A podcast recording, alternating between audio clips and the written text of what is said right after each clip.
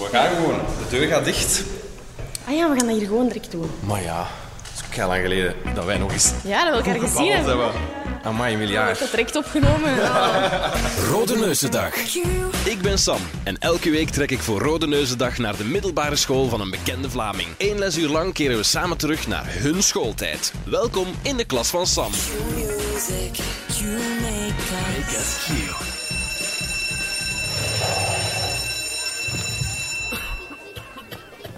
Ik heb het gevoel dat ik hier terug met hetzelfde kleine hartje zit als dat ik hier de eerste dag op school toekwam. Echt? Ehm, dat was ergens in januari, de laatste dag dat je nog van school mocht veranderen. Dan ben ik hier binnengelopen en ik wist gewoon niet naar waar ik naartoe moet. Ik was hier nog nooit geweest. Was We zo hebben echt zo op de, de laatste limietdag dat je mag inschrijven voor een school, ben je hier terechtgekomen. Ja, ik, ik zat daarvoor op internaat. Ja. Ehm, en ik werd daar heel erg gepest en ik was daar heel ongelukkig. En ik wou daar dan weg. En ik had dan met mijn ouders afspraak gemaakt van, weet ik, ik zal na de kerstvakantie nog teruggaan en dan zien we wel. Maar uiteindelijk na twee weken, of ja, na de 14 januari was dat denk ik. Dus dan is dat een week of zo dat je terug op school zat. wist ik van, ik wil hier niet meer zijn. Dus je zit hier nu ook met een soort van zenuwen. Ja, en ik herinner mij dat toen nog, want ik moest negen kilometer naar hier fietsen van thuis. Dus dat was best wel ver. En ehm, ik was kei bezweet, want dat was heel ver fietsen. En ik had de weg moeten zoeken, dus dat was allemaal wel spannend. Dus ik zit nu hier met dat kleine hartje dat ik toen ook had. Ja. Het was wel moeilijk om een, om een school te, eruit te kiezen ook. Hè. Ik, ik had je gevraagd van in welke, in welke school zullen we dit doen? En dan was het echt zo nadenken van ja, goh, ja. Heb je, heb je zo verschillende paar- scholen? Ik heb een paar scholen gedaan, Ehm, maar dit was de laatste. En eigenlijk heb ik hier wel echt ehm, op mijn plek gezeten. Alright. Ik denk misschien omdat het zo groot is, dat je wat kunt verdwijnen of zo. Ja. We hebben een eh, nieuwe leerling vandaag. Haar naam is Eva Daleman. Welkom in de klas van Sam, Eva. Dank je. Ooit radiocollega bij M&M, omroepster op ehm, tv bij 1. Maar nu, ja, eigenlijk kan ik misschien best in volle boe- boekenbeurstijd, misschien vooral auteur ook even zeggen Ja. nu. Hè. Dat is. Drie boeken heb je al geschreven. Factor 25, Het jaar van de hond en Omdat het kan. Boeken over dat het heel oké is als het even niet zo oké loopt in je leven, dat je daar geen schaamte over moet voelen. En vooral dat er ook manieren zijn om daaruit te geraken. Kunt je leven met eh, zo'n zeer beknopte Ja. eh, samenvatting? Als, als, als ik het u zou zeggen, dan denk ik, ja, het is gemakkelijk om erover te schrijven, maar om het echt te doorleven, dan merk ik dat het toch wel een dagelijkse oefening is. Maar voor iedereen, denk ik. Ja. Ja. Het is 100% waarom wij ooit begonnen zijn met Rode Neusdag. En dat is de reden waarom ik jou ook zo graag eigenlijk in, in de klas van, van Sam wil. hebben. Dus ik ben heel blij dat je toch zag zitten, want eh, simpel vond je dat ook niet om zo terug te keren naar, naar de school en naar de schooltijd. Weet je wat is zo? Eigenlijk intussen is dat, laten we zeggen, 14, oh, 14 jaar geleden. Hè? dus dat is de helft van mijn leven dat intussen al... Allee, dat is een dubbel... Whatever. Ik had toen 14 jaar geleefd en nu ben ik alweer 14 jaar verder. En ergens had ik al zo een betonneken over die periode gekapt. En ik denk dat dat hetgene is dat behoorlijk eng is nu. Dat ik denk van, holy shit, ik ben eigenlijk al vergeten wat er onder die beton allemaal groeide. Want dit is een klas waar jij ook nog les hebt Ja. gehad. Ja, ik denk dat ik hier ehm aanzicht, ja, Duits heb gehad, vermoedelijk. ik weet dat niet, dat is hier ja, inderdaad gewoon zo groot, maar dit is zo de, de standaardklas. Ik ben hier nog nooit geweest, natuurlijk. Een Nee. oldschool leslokaal, tege- tegeltjes langs de kant van Mhm. de muur. Wel ook een heel flashenblauwe muur geschilderd. Ja, maar daar zit je met je rug naartoe, dus dat plezier heb je niet. Aan de voorkant, aan de voorkant is het eerder wat grijs met spinnen hebben. Wa- Was dat zo ook al toen? Ach, dat weet ik niet meer. Dat weet ik. ik denk dat ik veel naar buiten zat te kijken. Dat kun je hier ook gewoon, want er zijn ook Ja. grote ramen. We zitten hier ook in een soort van bosomgeving. Ja, wel een hele groene omgeving. Ehm, Het eerste dat mij opviel is wat voor een gigantische school dit is. Mhm. Ja. ja, en dat was voor mij... Ik, ik kwam voor deze school kwam ik van een internaat op een hele kleine school. Ik denk, laten we zeggen, 100 leerlingen, 150 leerlingen. Dus een heel kleine school eigenlijk. En ja, dat ging daar niet goed. Dat ging daar met mij ook echt niet goed. En als je dan hier komt... Ik denk dat het voor mij veilig voelde om, om echt op te gaan in de massa. Om zo anoniem te zijn eigenlijk. Ja, dat je niet echt opvalt. Ik was nieuw en, en dat maakt niet uit dan. Aan wat lag dat dat het niet goed ging op het internaat? Ehm aan wat lag dat? Ik had gewoon heel veel heimwee. Ik zat daar niet op mijn plek. Ehm, ik studeerde eigenlijk muziek. Ehm, dus daar zat heel veel prestatiedruk bij. En ik had dan een ingangsproef nog mogen doen en ik speelde saxofoon in een tijd, dus ik studeerde echt muziek. En dat moest goed zijn. En ik, ik kwam dan in het, in het vierde jaar daar binnen. Dus die anderen zaten daar al een jaar, dus die hadden al kunnen wennen aan die school. En ik voelde me echt ja, dom. Ehm, daarvoor, als, in de muziekschool, was ik een van de betere. Ja. En daar was ik de nieuwe. En ehm, ja, ik miste thuis gewoon en mijn vriendinnen. En, Mag ik dan misschien en- eerst even vragen waarom je dan op internaat zat? Eh, ik ben naar die school, dus eigenlijk daarvoor zat ik nog in een andere school. en daar ehm, had ik na twee jaar Latijns zin om iets anders te doen. En ik wilde eigenlijk wetenschappen doen, want ik had in mijn hoofd dat ik ooit dokter wil worden. Dus ik dacht, wetenschappen is dan een goede basis. Ehm, multi, multi-passionate noemen ze dat. ja, exact. Ehm, en, en de enige optie daar was wetenschappen met wiskunde. Ook al was wiskunde echt mijn allerslechtste vak. Ondertussen, terwijl we hier aan het praten zijn, rijdt hier natuurlijk eh, het karretje van de conciërge en de poetsvrouw langs.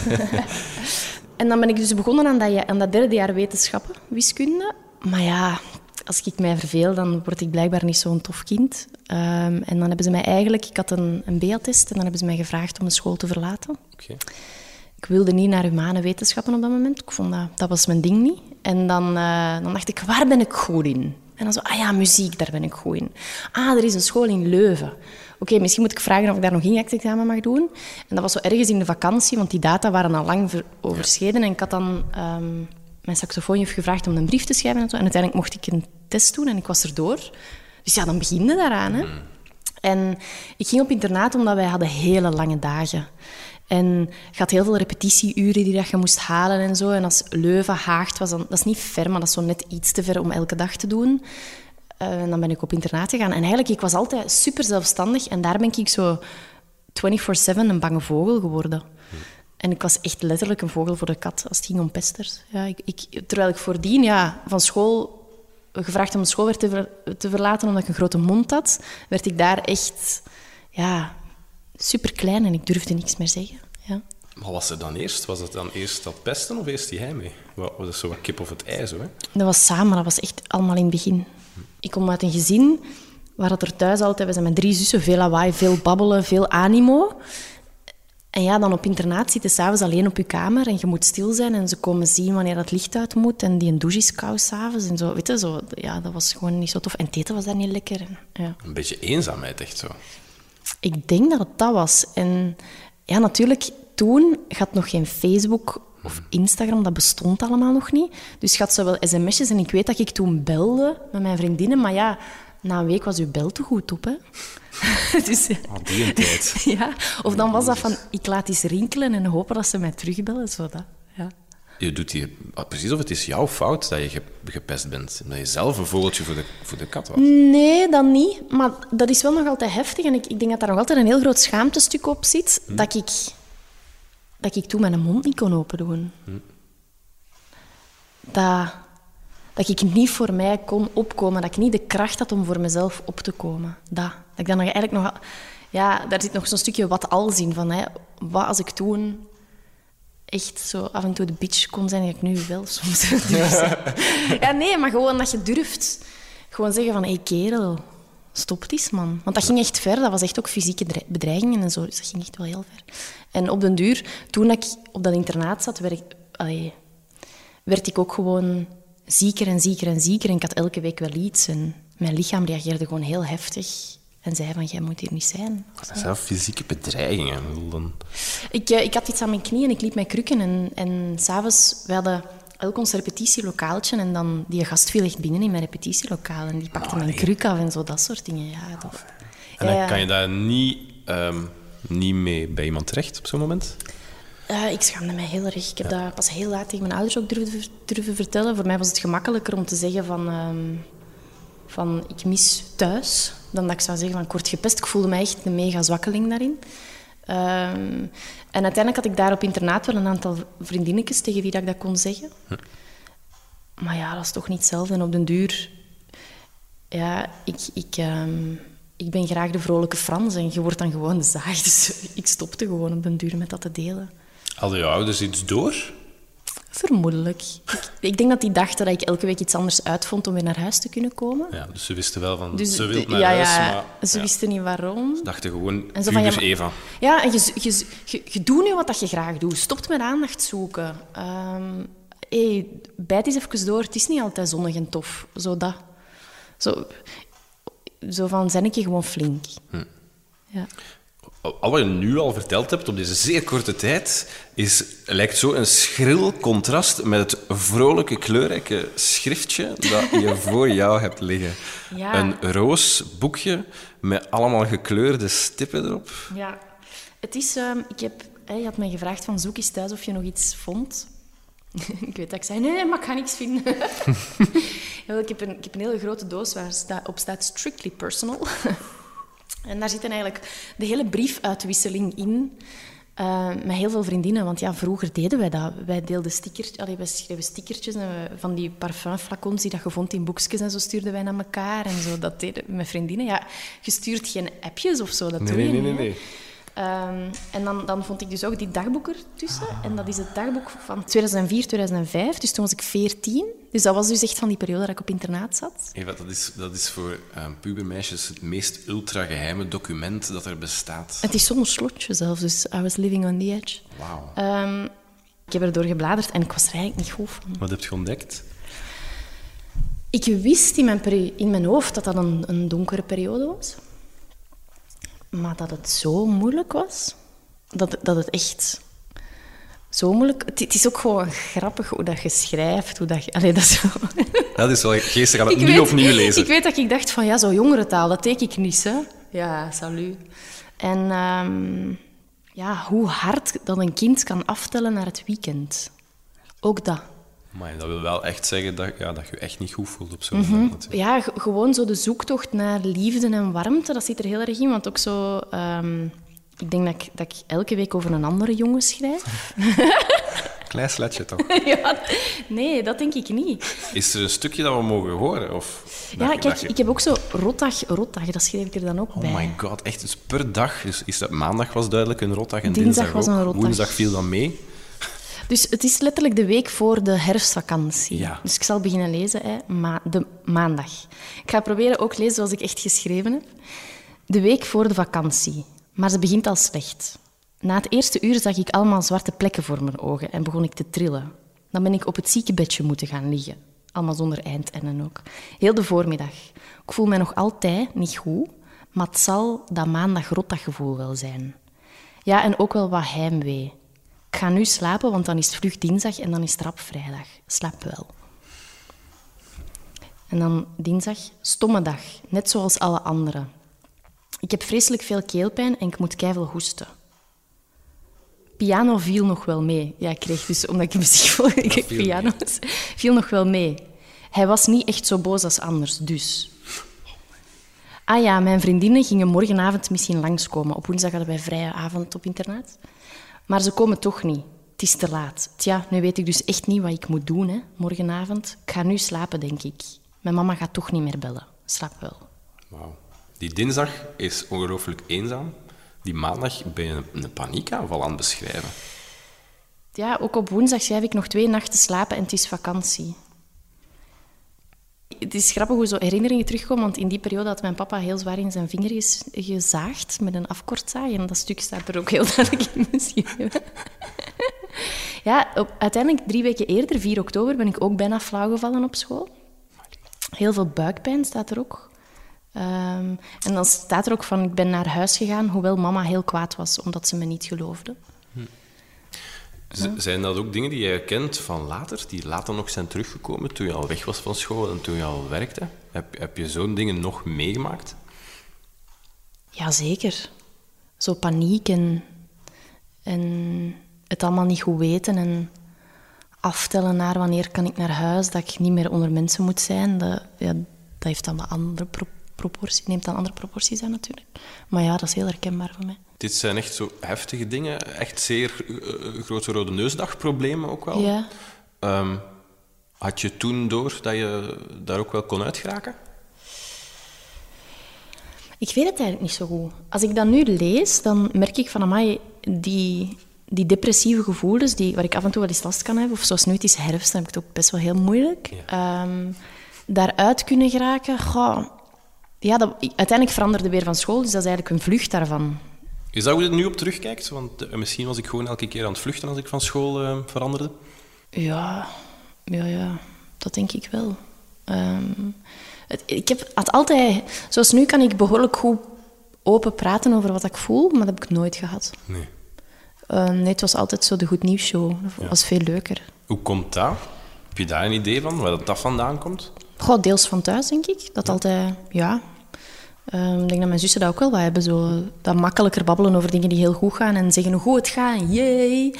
En weet je, mijn totem op de scouts was opgewekte slaapmuis. dus ik was altijd wel... Ik, ben, ik ben altijd wel... Ik, ik lach altijd wel liever dan dat ik, dan dat ik eh, toon dat het minder goed gaat. Ook wel fucking lui, hè? dat ook dan in slaapmuis of Ik niet? heb veel slaap nodig, dat is het. en heel erg guitig, dat zat er ook niet. Ehm, maar het, het niet kunnen delen van die gevoelens, sowieso. En ik denk dat, dat ik daarom...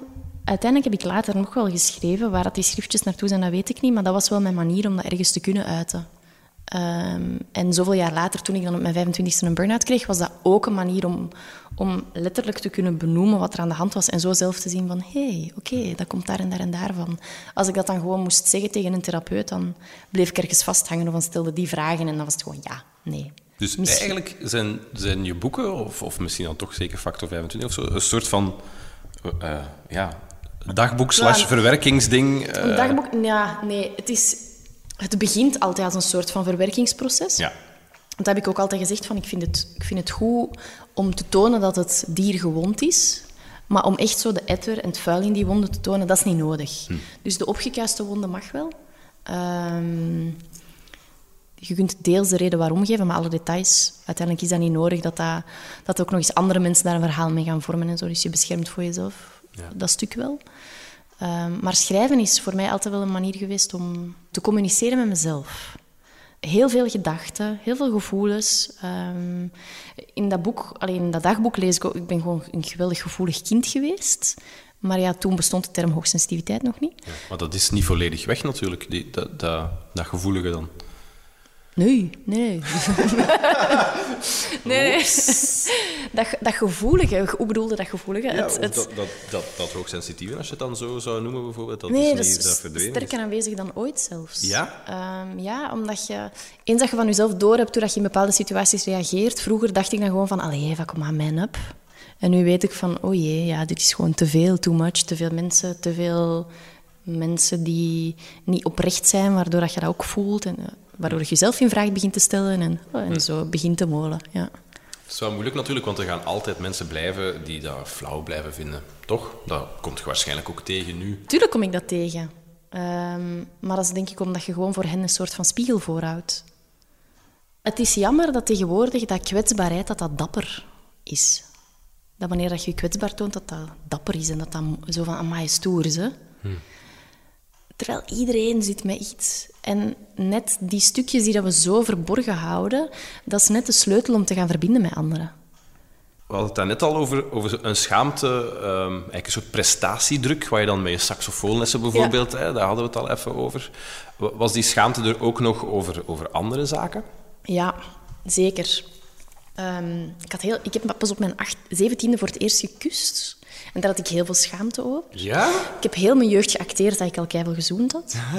Ehm, terwijl ik uiteindelijk alleen maar mijn hand zat te lekken in mijn bed. Als we dan toch even heel open zijn. Nee, maar dus, dus, daar had ik heel veel schaamte over. En uiteindelijk, ehm, als, je, als je op een school zit... ehm, ja, daar wordt wel heel veel over gebabbeld. Meisjes onder elkaar in de kleedkamer van LO. Er werden wel zo'n dingen gezegd.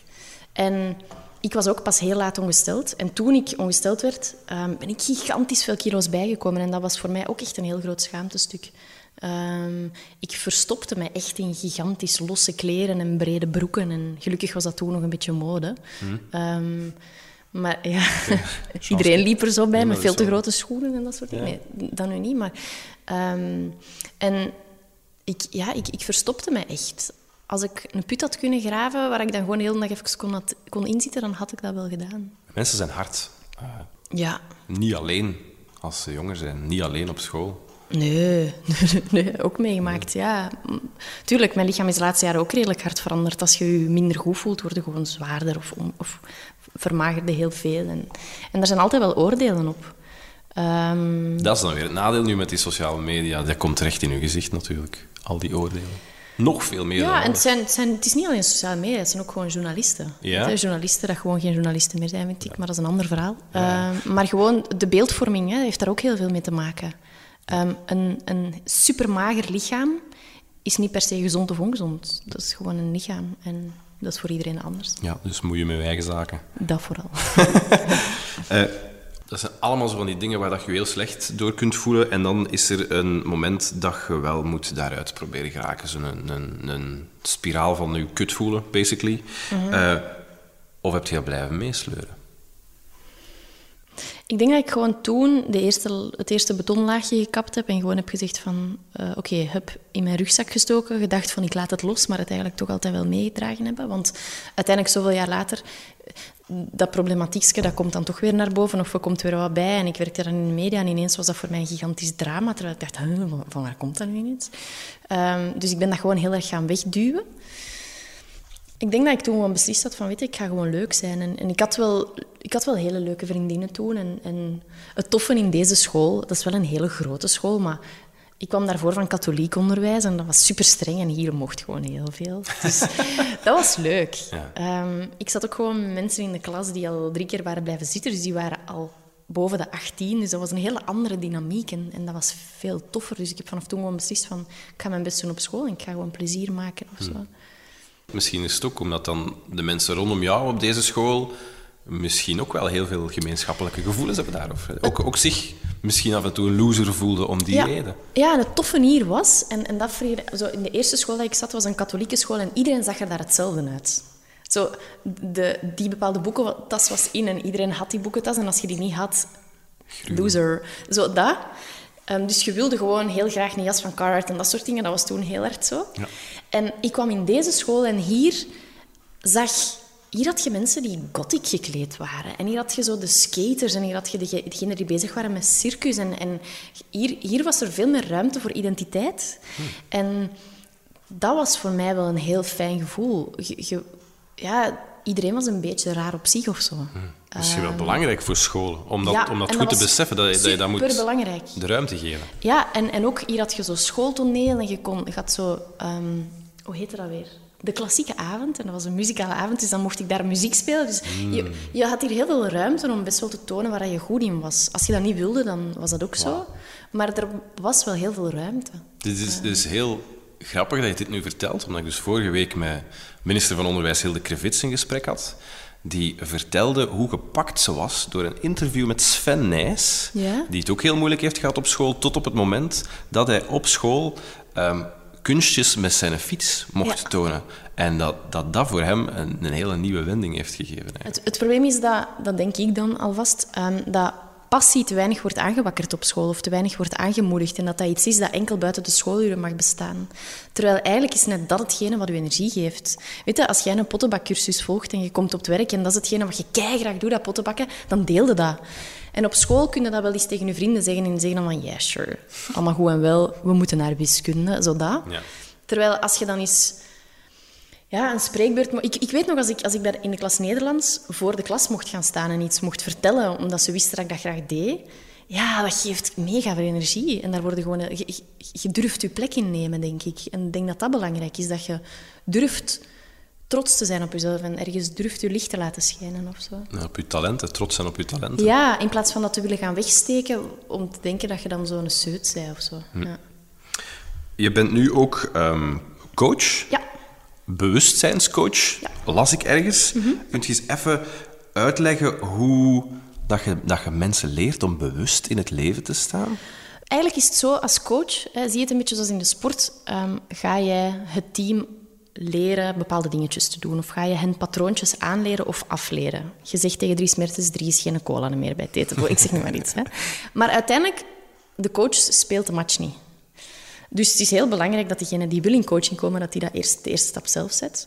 En dan gaan we eigenlijk eens kijken naar welke patronen dat er zijn. Ehm, wanneer dat jij constant ongezonde voeding heeft, kun je gewoon niet goed voelen. Dus het is je eerst bewust worden van alle dingen die dat je doet, van wat je lichaam eigenlijk nodig heeft. Um, ik voordien, even vanuit mijn eigen wereld spreken, altijd als ik heel moe was, dan ging ik nog harder werken, omdat ik dacht dat dat moe zijn dan voorbij ging gaan. Dus dat was mijn patroontje dat ik had, mijn gewoonte. Terwijl dat, dat eigenlijk heel zelfsaboterend is. Dat, dat werkte mij tegen in zoveel richtingen. En sorry, dat is een beetje wat we gaan doen in die coaching. Van oké, welke gedachten dienen er zich constant aan? Hoe hard saboteert je jezelf?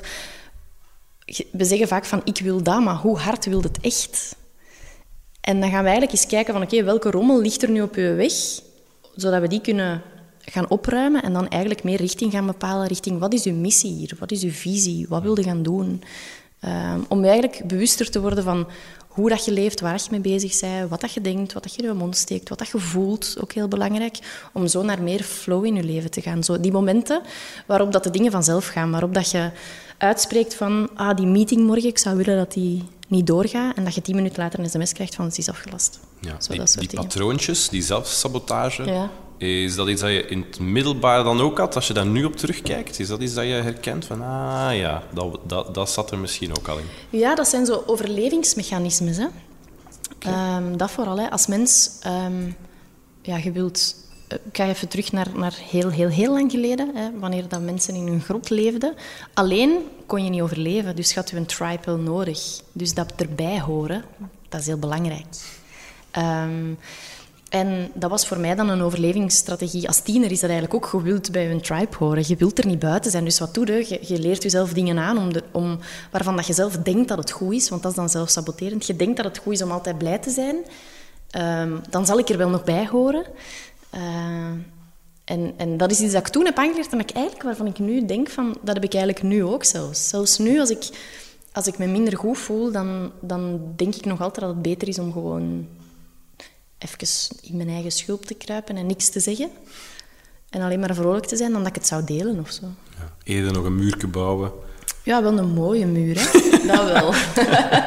een hele mooie, grote bloemenmuur die heel tof is om naar te kijken. Zodat. Coaching op middelbare scholen. Is dat iets dat er misschien moet komen? Moeten, moeten leerkrachten ook meer coaches zijn? Of moet er een aparte coach zijn op elke school?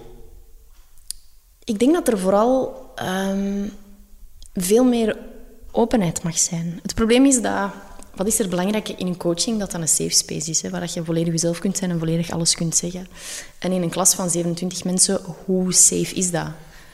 Ga uh, Fritske niet tegen een dienen van die klas gaan vertellen wat dat jij in de klas hebt gedeeld over hoe dat je voelt, bijvoorbeeld. Hè. Dat is heel moeilijk. Um, nu, ik denk dat er dat we vooral minder moeten in scholen. Ik denk dat dat een belangrijke is. En ik geef zelf nu ook lezingen voor te gek in middelbare scholen. Ehm, eigenlijk meer vanuit het vertellen van mijn verhaal, zonder dat er per se een open groepsgesprek moet zijn, maar waarin vooral wel um, gezegd, waarin ik vooral ook zeg van kijk, um, ik had alles om gelukkig te zijn en ik was niet gelukkig. En dat was heel moeilijk om dat aan mezelf toe te geven.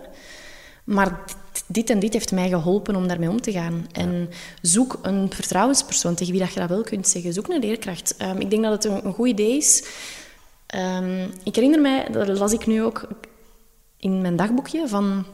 Wij hadden op internaat een meter of een peter. Iemand, naar, iemand van de hogere jaren naar wie dat je kon toegaan. En ik denk dat zoiets wel heel krachtig is. Um, maar dan is opnieuw dat vertrouwen heel belangrijk. Ja. ja. dan moet je op zoek gaan dus naar een vertrouwenspersoon. Ja, ik, ik, ik hoop dat dat in elke school tegenwoordig al is. Um, Coaches is misschien een stap te ver, maar ik denk wel dat het belangrijk is dat leerlingen leren dat het delen van uw, gevoelens, op welke manier dan ook, zowel negatief als positief, dat, dat eigenlijk dat er heel veel kracht in zit. En dat we die niet allemaal in onze rugzak moeten meenemen. Dat we vooral niet alleen zijn. Want eh, beeld u eens een super Spaanse furie in. Mhm man, de energie spat daar vanaf.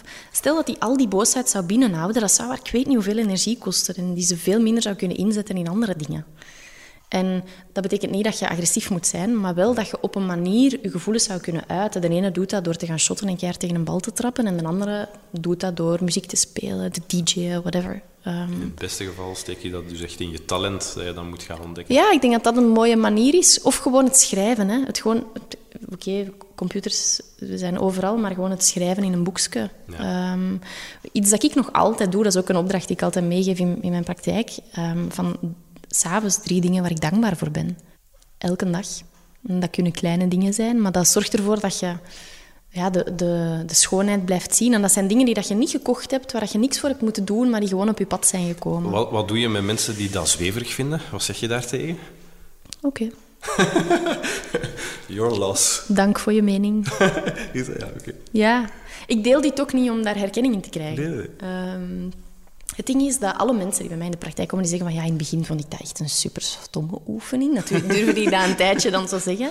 En dan zeggen die, maar eigenlijk is dat wel leuk. En ik doe dat ook met mijn kinderen voordat ze gaan slapen. Of ik deel met mijn man, voordat we gaan slapen, het schoonste moment van een dag. Iets dat we allebei hebben meegemaakt. En dat zorgt er gewoon voor dat je veel positiever in slaap valt.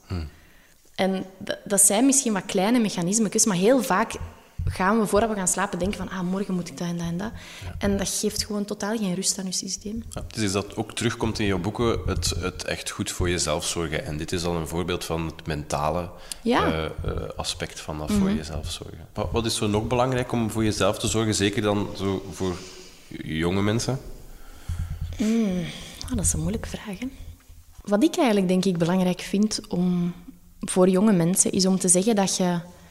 Je niet wat dat je doet. Ik bedoel... ehm, je zijt je gedachten niet. Je zij je slechte toets niet.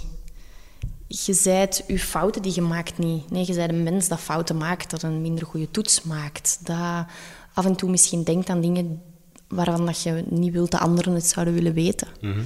En dat je daar ook niet voor moet schamen. Eh, en het voor jezelf zorgen, ja, gewoon... Weet je, een auto rijdt ook niet op cola, hè? Zo, allee, ik wil echt eens naar... Dat is eigenlijk iets... Als ik daar, pas op, als ik daarover begin, dan word ik echt gruwelijk ambetant. Ja, maar goed, Eva, we kunnen, Eten ook geen, we kunnen ook geen benzine drinken. Allee, Nee, nee, maar eten in scholen. Ja? Is dat zo belangrijk? Goh, als ik er terug aan denk, aan mijn Want- middelbare schooltijd, Ja. ik viel na de middag altijd in slaap. Suiker, suiker, suiker. En Ja, toch... boterhammen. Ik ben, het blijkt nu dat ik intolerant ben aan gluten en Ja. granen. Ik had gewoon smiddags boterhammen met choco.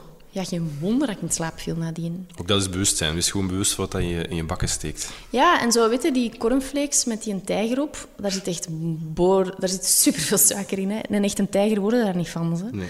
Ehm, dus dat soort dingen. Iedereen weet dat fruit gezond is. Hm. En ik, ik weet dat, dat dat klinkt super saai. En, It's en, not cool. En dat is niet cool, maar jawel. Ja.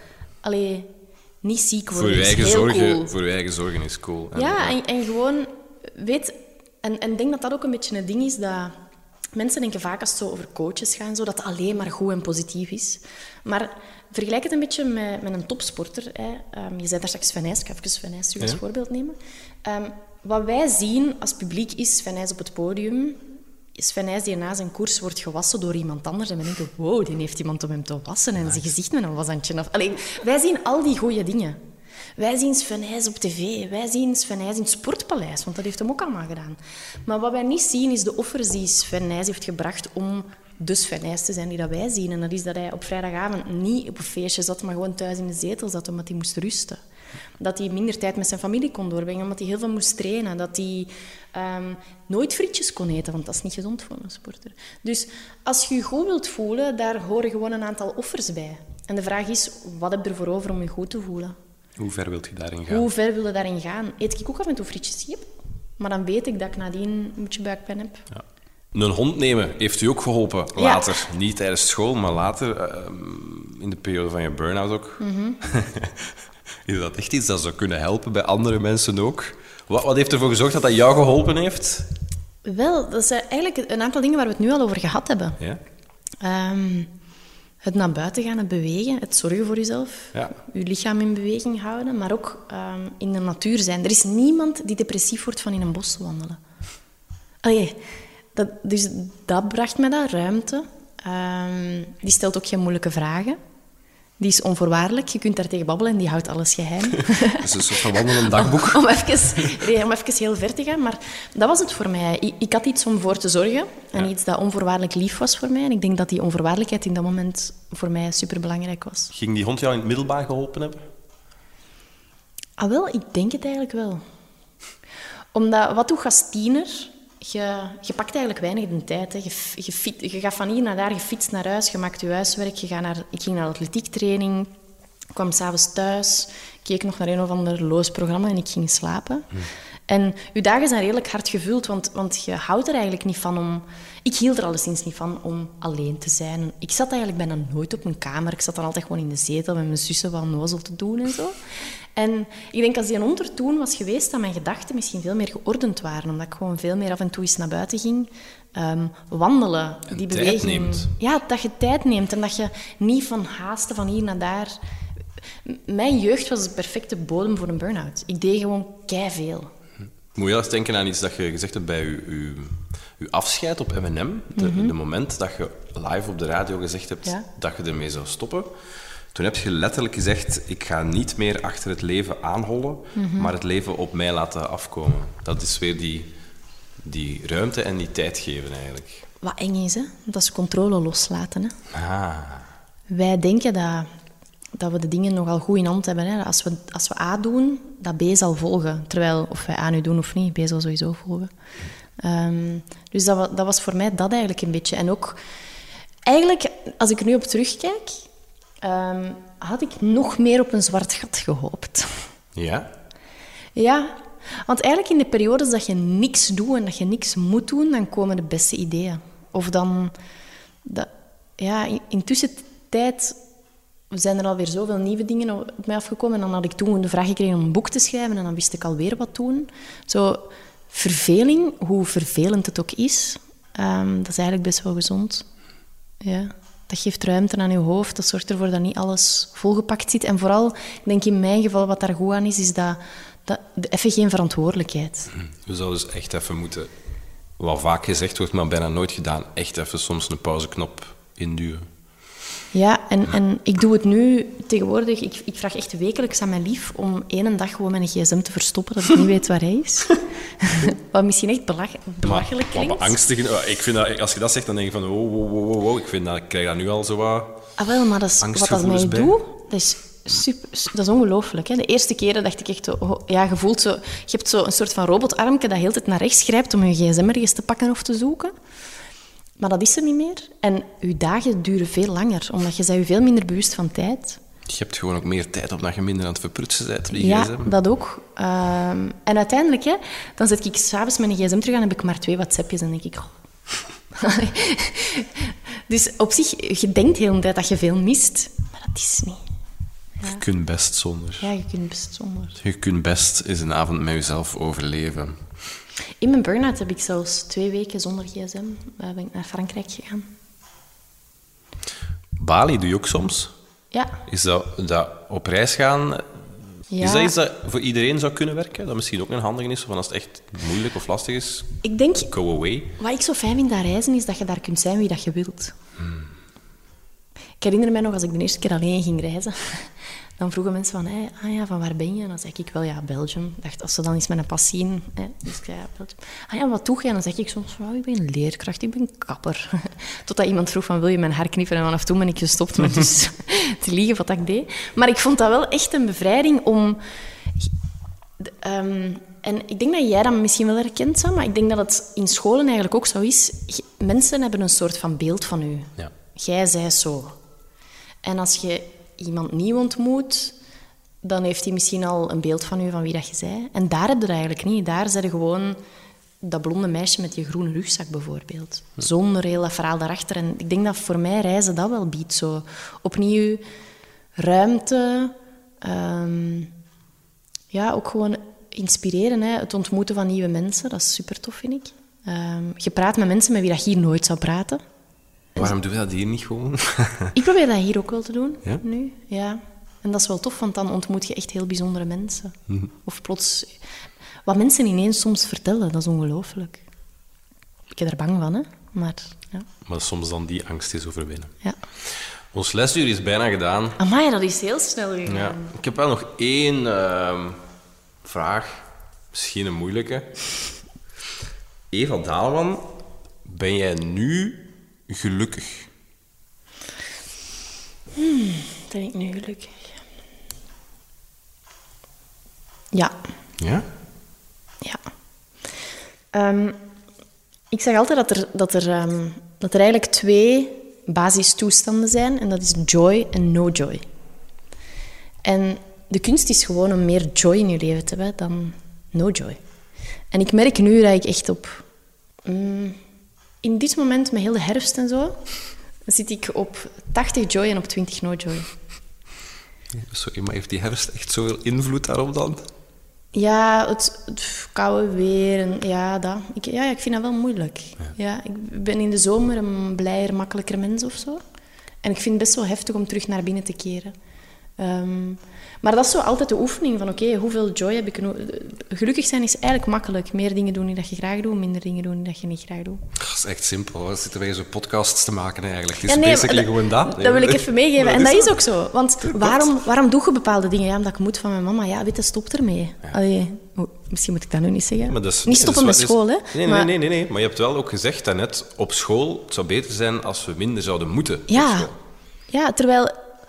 Kijk, wat maakt dat uit dat ik 49 had op aardrijkskunde nu? Ik heb een GPS nu om zelfs naar huis te rijden. Hè. Nee, maar dat, dat maakt echt niet uit. Dus ik deed heel hard mijn best, maar je wordt daar dan zo op gepakt. Kleine anekdote. Eva heeft mij gebeld toen ze naar hier kwam, omdat ze ondanks GPS niet vond waar ze Waar moest was. zijn. Maar, kijk, het is gelukt en ik ben hier geraakt. Dus aardrijkskunde. Fuck dat. Nee, maar het, het, is gewoon... Je zijt geen slechte toets. Je hebt gewoon een slechte toets gemaakt. Het is ook zo nog een beetje een andere quote uit uw afscheid bij M&M. Het leven is een hippiekamp en je hebt het zelf in de hand ook. Je kunt zelf kiezen voor die enjoy en om meer daarop te focussen. Ja, en ik denk... Ik weet dat ik toen dacht van... Kom, ik ga middelbare school uitdoen en dan kan ik doen wat ik wil. Ja. En hoe erg dat dat eigenlijk ook is. Ehm, maar doe dan gewoon na school de dingen die je leuk vindt. En vallen en opstaan, dat ook? Ja, stel je voor dat er geen bergen zouden zijn en ook geen dalen. Dan, dan is alles gewoon plat. Dan zou de wereld echt oersaai zijn. Zoals Nederland. Ja. en ik, ik, ik weet gewoon, en, en dat ervaar ik nu zelf ook. Ik had daar straks nog een gesprek met mijn lief aan de telefoon en die zei het heel mooi. Die zei van... Weet je, je hebt op de berg, daar leeft je alles wat je voordien in het dal geleerd hebt. En eens dat je op de berg bent geweest, dan komt er nadien een nieuw dal om allemaal nieuwe dingen te leren. En dan volgt er weer een berg waarin dat je mensen ontmoet, bijvoorbeeld, waarin dat je die dingen kunt doorleven die dat je weer geleerd hebt. En zo gaat het telkens op en neer. En dat is niet altijd tof, maar dat, dat hoort er ook wel gewoon bij. En in de periodes dat je je het meest shittiest voelt, hè, denk maar eens terug aan je allereerste liefdesverdriet. Je dacht echt dat je doodging. Wel, proficiat, je leeft nog. Eh, nee, maar dat is zo. En, en daar leer je kei veel uit. En je leert de dingen relativeren. En je vormt steeds meer jezelf daarin, in die moeilijke periodes. Dus het ding is om daarin niet op te geven, mensen te zoeken die lief zijn voor u. Lief zijn voor jezelf. Niet boos zijn op jezelf als je dingen denkt die dat je eigenlijk niet zou mogen denken. Maar gewoon lief zijn. Laat anderen lief zijn voor u en wees lief voor jezelf. Kijk, en zo hebben we hier in Tatteneem in Keerbergen... In de het, kak. Het kak. In de kak, hè? In de kak. De kak. Waar zit je op school? In de kak. Toch nog iets geleerd. Ja. Mag ik je ongelooflijk bedanken voor zoveel ehm, openhartigheid in deze podcast. Super blij om hier nog eens mee te kunnen babbelen. Dat is heel graag gedaan. Dank je om te luisteren. Music, you make us. Make us Q.